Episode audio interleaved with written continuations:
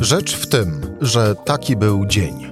Cezary Szymanek, zapraszam na codzienny podcast Rzeczpospolitej. Wtorek, 16 listopada. Zamieszki na granicy polsko-białoruskiej migranci, prawdopodobnie inspirowani przez białoruskie służby, próbowali sforsować przejście, rzucali w polskich żołnierzy i straż graniczną, między innymi kamieniami. W odpowiedzi polskie służby użyły armatek wodnych i gazu pieprzowego. Wcześniej doszło do nieoczekiwanego przyspieszenia w rozmowach na wysokim szczeblu. Merkel dzwoniła do Łukaszenki, a Macron rozmawiał z Putinem. Prezydent Duda w tym czasie oglądał mecz Polska Polska-Węgry. Moim gościem już za chwilę Jerzy Haszczyński, szef działu zagranicznego Rzeczpospolita i rzecz w tym, że zapraszam Cezary Szymanek. Słuchaj na stronie podcasty.rp.pl. Włącz Rzecz w tym w serwisie streamingowym. Moim gościem Jerzy Haszczyński, szef działu zagranicznego Rzeczpospolitej. Jerzy, dzień dobry. Dzień dobry. To było zaskoczenie, że Angela Merkel y, zadzwoniła do Aleksandra Łukaszenki? Tak, rozmowa najważniejszej polityk Unii Europejskiej y, z politykiem, który jest izolowany od roku, jest wielkim zaskoczeniem. Nikt z nim nie rozmawiał w momencie, kiedy mordował, torturował, zabijał, czyli kiedy chodziło o los Białorusinów, którzy chcieli na zachód, czy chcieli żyć inaczej. A teraz, y, gdy pojawiło się parę tysięcy imigrantów na granicy i ci imigranci chcą się dostać do Niemiec, tylko mają trudności, to wtedy kanclerz, czy obecnie już pełniący obowiązki przed dodaniem całkowitej władzy, kanclerz Angela Merkel rozmawia z dyktatorem. Oficjalnie mówi do niego panie Łukaszenka, a nie prezydencie, ale na przykład media niemieckie, te, te publiczne, używają określenia prezydent, czego nie powinno się używać, bo Zachód nie uznał wyborów, bo one zostały sfałszowane. Co do tego to chyba nikt nie ma najmniejszych wątpliwości. A dowód na to mieliśmy na ulicach chociażby y, Mińska y, i te hektolitry przelanej y, krwi w walce o demokrację na Białorusi. Jerzy, ty, a w takim razie ty rozumiesz, dlaczego Merkel zadzwoniła do Łukaszenki? Moim zdaniem ogląda to, co większość ludzi na świecie. Ogląda telewizję, w której widać y, dzieci ze smutnymi, czarnymi oczami ich matki, a nie widać tego, co wokół.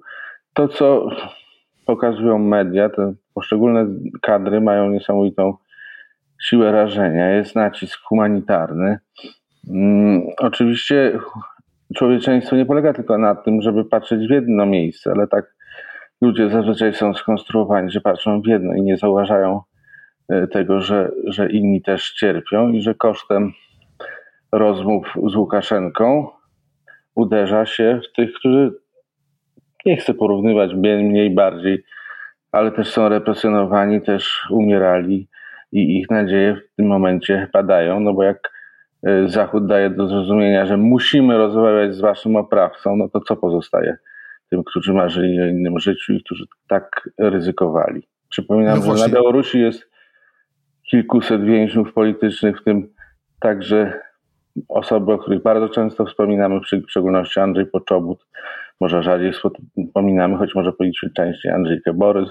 Są ważni politycy białoruscy, którzy ośmielili się wystąpić przeciwko dyktatorowi, jak mąż Światłany Cichanowskiej-Siarki, jak Maria Kalesnikawa, no my możemy im przyznawać nagrody, co chwilę ktoś gdzieś jakąś nagrodę w Europie im przyznaje, ale oni jej nie będą w stanie odebrać, bo siedzą w więzieniu i teraz ich sytuacja raczej się nie polepszyła, tylko pogorszyła.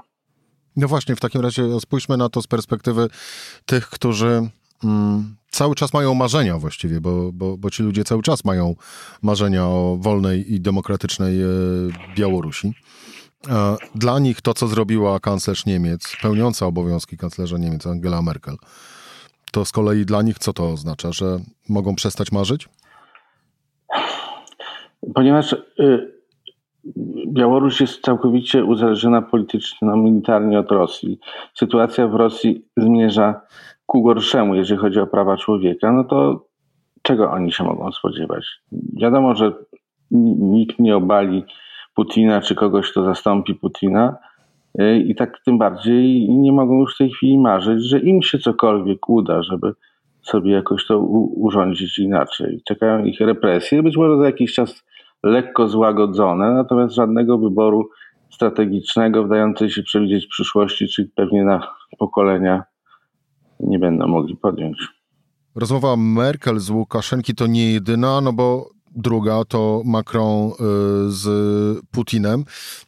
Czyli znów y, kolejna rozmowa na wysokim szczeblu, kolejna rozmowa mm, de facto nie na polską prośbę, tak przynajmniej chyba można domniemywać i nie dlatego, że my się o taką prośbę e, wy, wystaraliśmy, e, o taką rozmowę wystaraliśmy. Mm, jak tłumaczyć, Jerzy, to przyspieszenie na arenie międzynarodowej w kontekście kryzysu na polsko-białoruskiej granicy?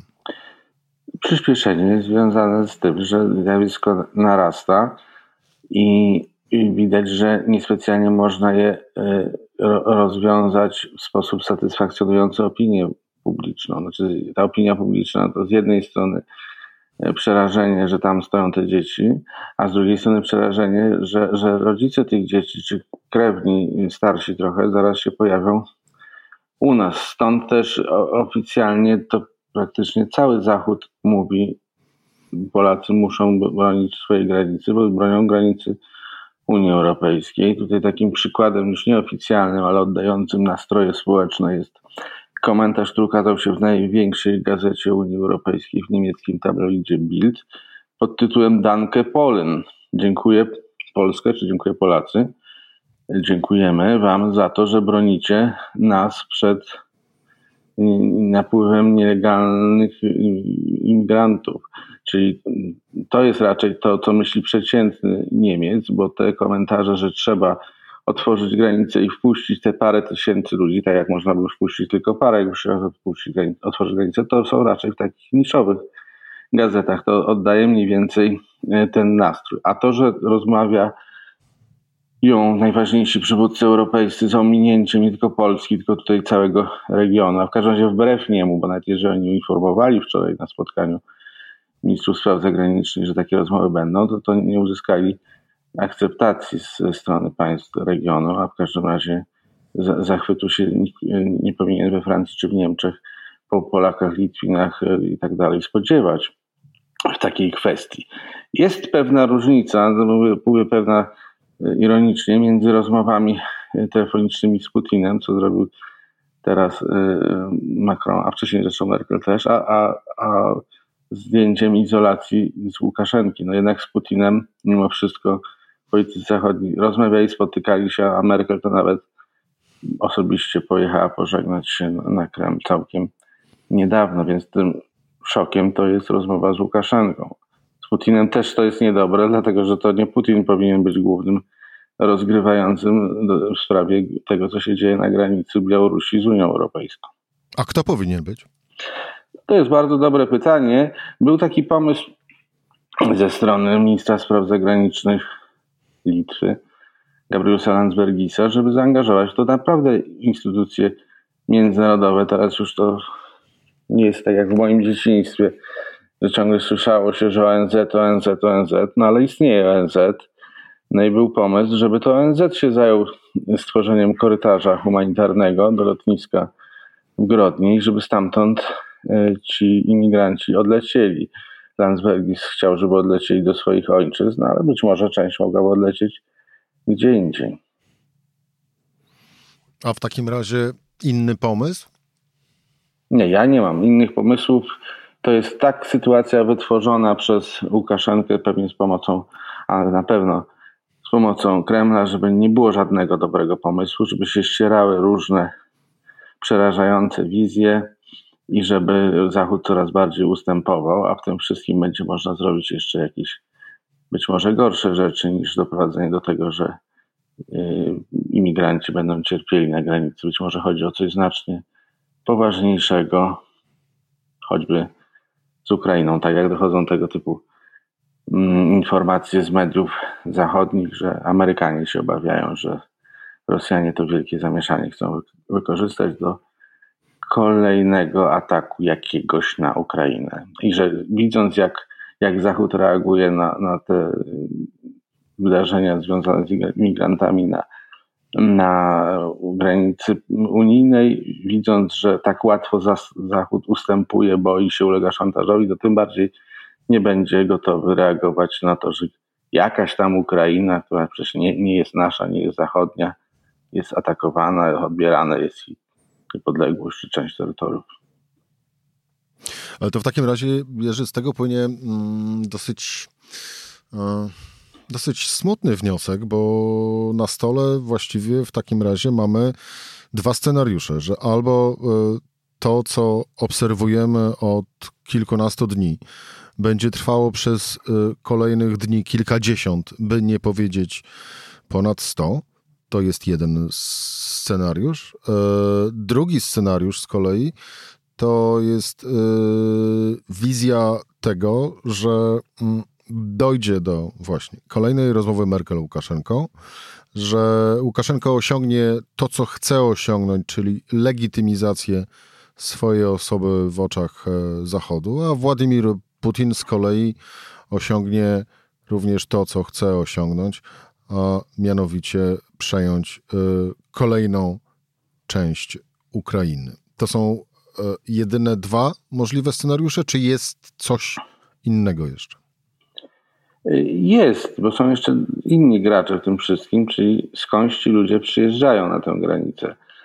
Więc ten y, proceder przerzucania można skończyć i, i akurat w tej sprawie Unia Europejska poczyniła pewne kroki i na razie ten strumień się zmniejsza. Wiele państw słabszych, nawet takich, które mają poparcie Rosji, mam na myśli Syrię, przestraszyła się. Wiele takich państw się przestraszyło i ich linie lotnicze e, dokonują jakiej, jakiejś selekcji pasażerów. W związku z tym można się spodziewać, że ponieważ głównie latali kandydaci na imigrantów, to wiele połączeń do Mińska w ogóle zostanie zamkniętych. To, to się dzieje. Nie, nie umiem odpowiedzieć e, na pytanie, jak, jaka jest różnica tych ludzi, którzy teraz docierają w celach imigracyjnych do Mińska, ale na pewno jest to znacznie mniejsza niż była 10 czy 15 dni temu, dlatego że dopiero kilka dni temu udało się choćby sojusznika z NATO, czyli Turcję, przekonać, żeby się zabrał za kontrolowanie tego jeszcze kilka. Myślę, że cały czas cztery samoloty czy trzy samoloty dziennie z samego Stambułu do Mińska latają, ale mam nadzieję, że już są z grubsza puste, albo naprawdę nie, nie, nie ma na ich pokładzie tych, którzy zaraz ruszą w kierunku polskiej, litewskiej czy łotewskiej granicy. Twoim zdaniem, jak to wszystko może się skończyć? Nie pytam o pomysły rozwiązania sytuacji, ale pytam o, o to, jak to może się e, skończyć, biorąc pod uwagę to, jak zaczął już Zachód reagować, e, jak i również biorąc pod uwagę to, że do całej rozgrywki włączył się, przynajmniej oficjalnie już, Władimir Putin? No tutaj mm, są różne czynniki, które będą wpływały na to, że, że znacznie trudniej będzie w ogóle marzyć o sforsowaniu. Chyba, że to będzie sforsowanie czołgami białoruskimi i rosyjskimi. Natomiast jeżeli... Prawdopodobne czy nie? No mam, myślę, że bardzo mało prawdopodobne w tej chwili. Natomiast y, można się spodziewać jakichś nieskoordynowanych, nagłych wydarzeń, które mogą mieć dramatyczne konsekwencje. Czołgów się nie spodziewam, e, ale ja się wielu rzeczy nie spodziewałem, one się, się działy. E, także wrócę do tego wątku. No, budowa muru wysokiego jednak, takiej jak jest na granicy unijnej, takiej niewielkiej granicy między Turcją a Grecją, no jest tak, takie y, ten płot wysokości ponad 5 metrów, to jest naprawdę trudne do sforsowania. Więc jeżeli to nie będzie możliwe i nie będą musieli tam po drugiej stronie granicy stać y, non-stop y, y, funkcjonariusze Straży Granicznej, policjanci i wojskowi, tylko ten mur będzie tego chronił, czy, czy płot, to na pewno będzie mniej osób, które się będą chciały zmierzyć z takim wyzwaniem. No, wiadomo, że ci przybysze posługują się wysyłanymi sobie informacjami, są na różnych grupach, w sieciach społecznościowych, tam sobie dają jakieś mapki i bardzo szybko rozchodzi się wiadomość, to jest niemożliwe, musimy znaleźć jakieś inne miejsce, ale żeby tam podjąć próbę przejścia do, do, do sytego zachodu, albo na razie się wstrzymujemy i czekamy, aż Europejczycy sami za, zaproszą, albo będzie jakaś inna możliwość. Z tego wynika w takim razie kolejny niezbyt dobry scenariusz, bo tak naprawdę y, jedyną realną gdzieś opcją y, na to, aby ten konflikt na polsko-białoruskiej granicy przygasł, y, jest właściwie brak chęci ze strony samych migrantów do znalezienia się w tym rejonie Europy. Znaczy to jest bardzo ważne, dlatego że oni są wykorzystywani jako ta broń humanitarna, e, ale muszą chcieć jednak. Na samym początku muszą wsiąść w samolot. Nikt ich za nie wyrywa, wręcz przeciwnie, jeszcze pobiera od nich wysokie opłaty. Więc jeżeli oni nie przybędą, no to będzie znacznie utrudniona działalność, ten, ten szantaż ze strony e, Łukaszenki i, i Putina. E, czy można, bo, rozumiem, że w tle jest, czy można się na, na dobre dogadać z Łukaszenką, znaczy już tak już tym Białorusinom nie pomożemy, to czy, czy się Merkel może dogadać z Łukaszenką, on powie, ok, jestem fantastycznym, e, uznawanym przez najważniejsze państwo w Europie przywódcą, to to mi wystarczy i, i przerywam. Być może tak, ja tego nie wykluczam. Ale cena tego jest po prostu zniesienie innego muru na, na, na granicy między y, Polską, czyli Unią Europejską, a, a Białorusią. To jest zniesienie już nieprzekraczalnego muru cywilizacyjnego na, na zawsze, czy przynajmniej na pokolenia. Z punktu widzenia tych ludzi, którzy wyszli na ulicę w zeszłym roku i mają 20 lat, no to jest po prostu stwierdzenie, że wy już się z tego nowego Związku Radzieckiego nie wyrwiecie. Jerzy Haszczyński, szef działu zagranicznego w Rzeczpospolitej. Jerzy, dziękuję bardzo. Dziękuję bardzo. To była rzecz w tym. We wtorek Cezary Szymanek zapraszam jutro o tej samej porze.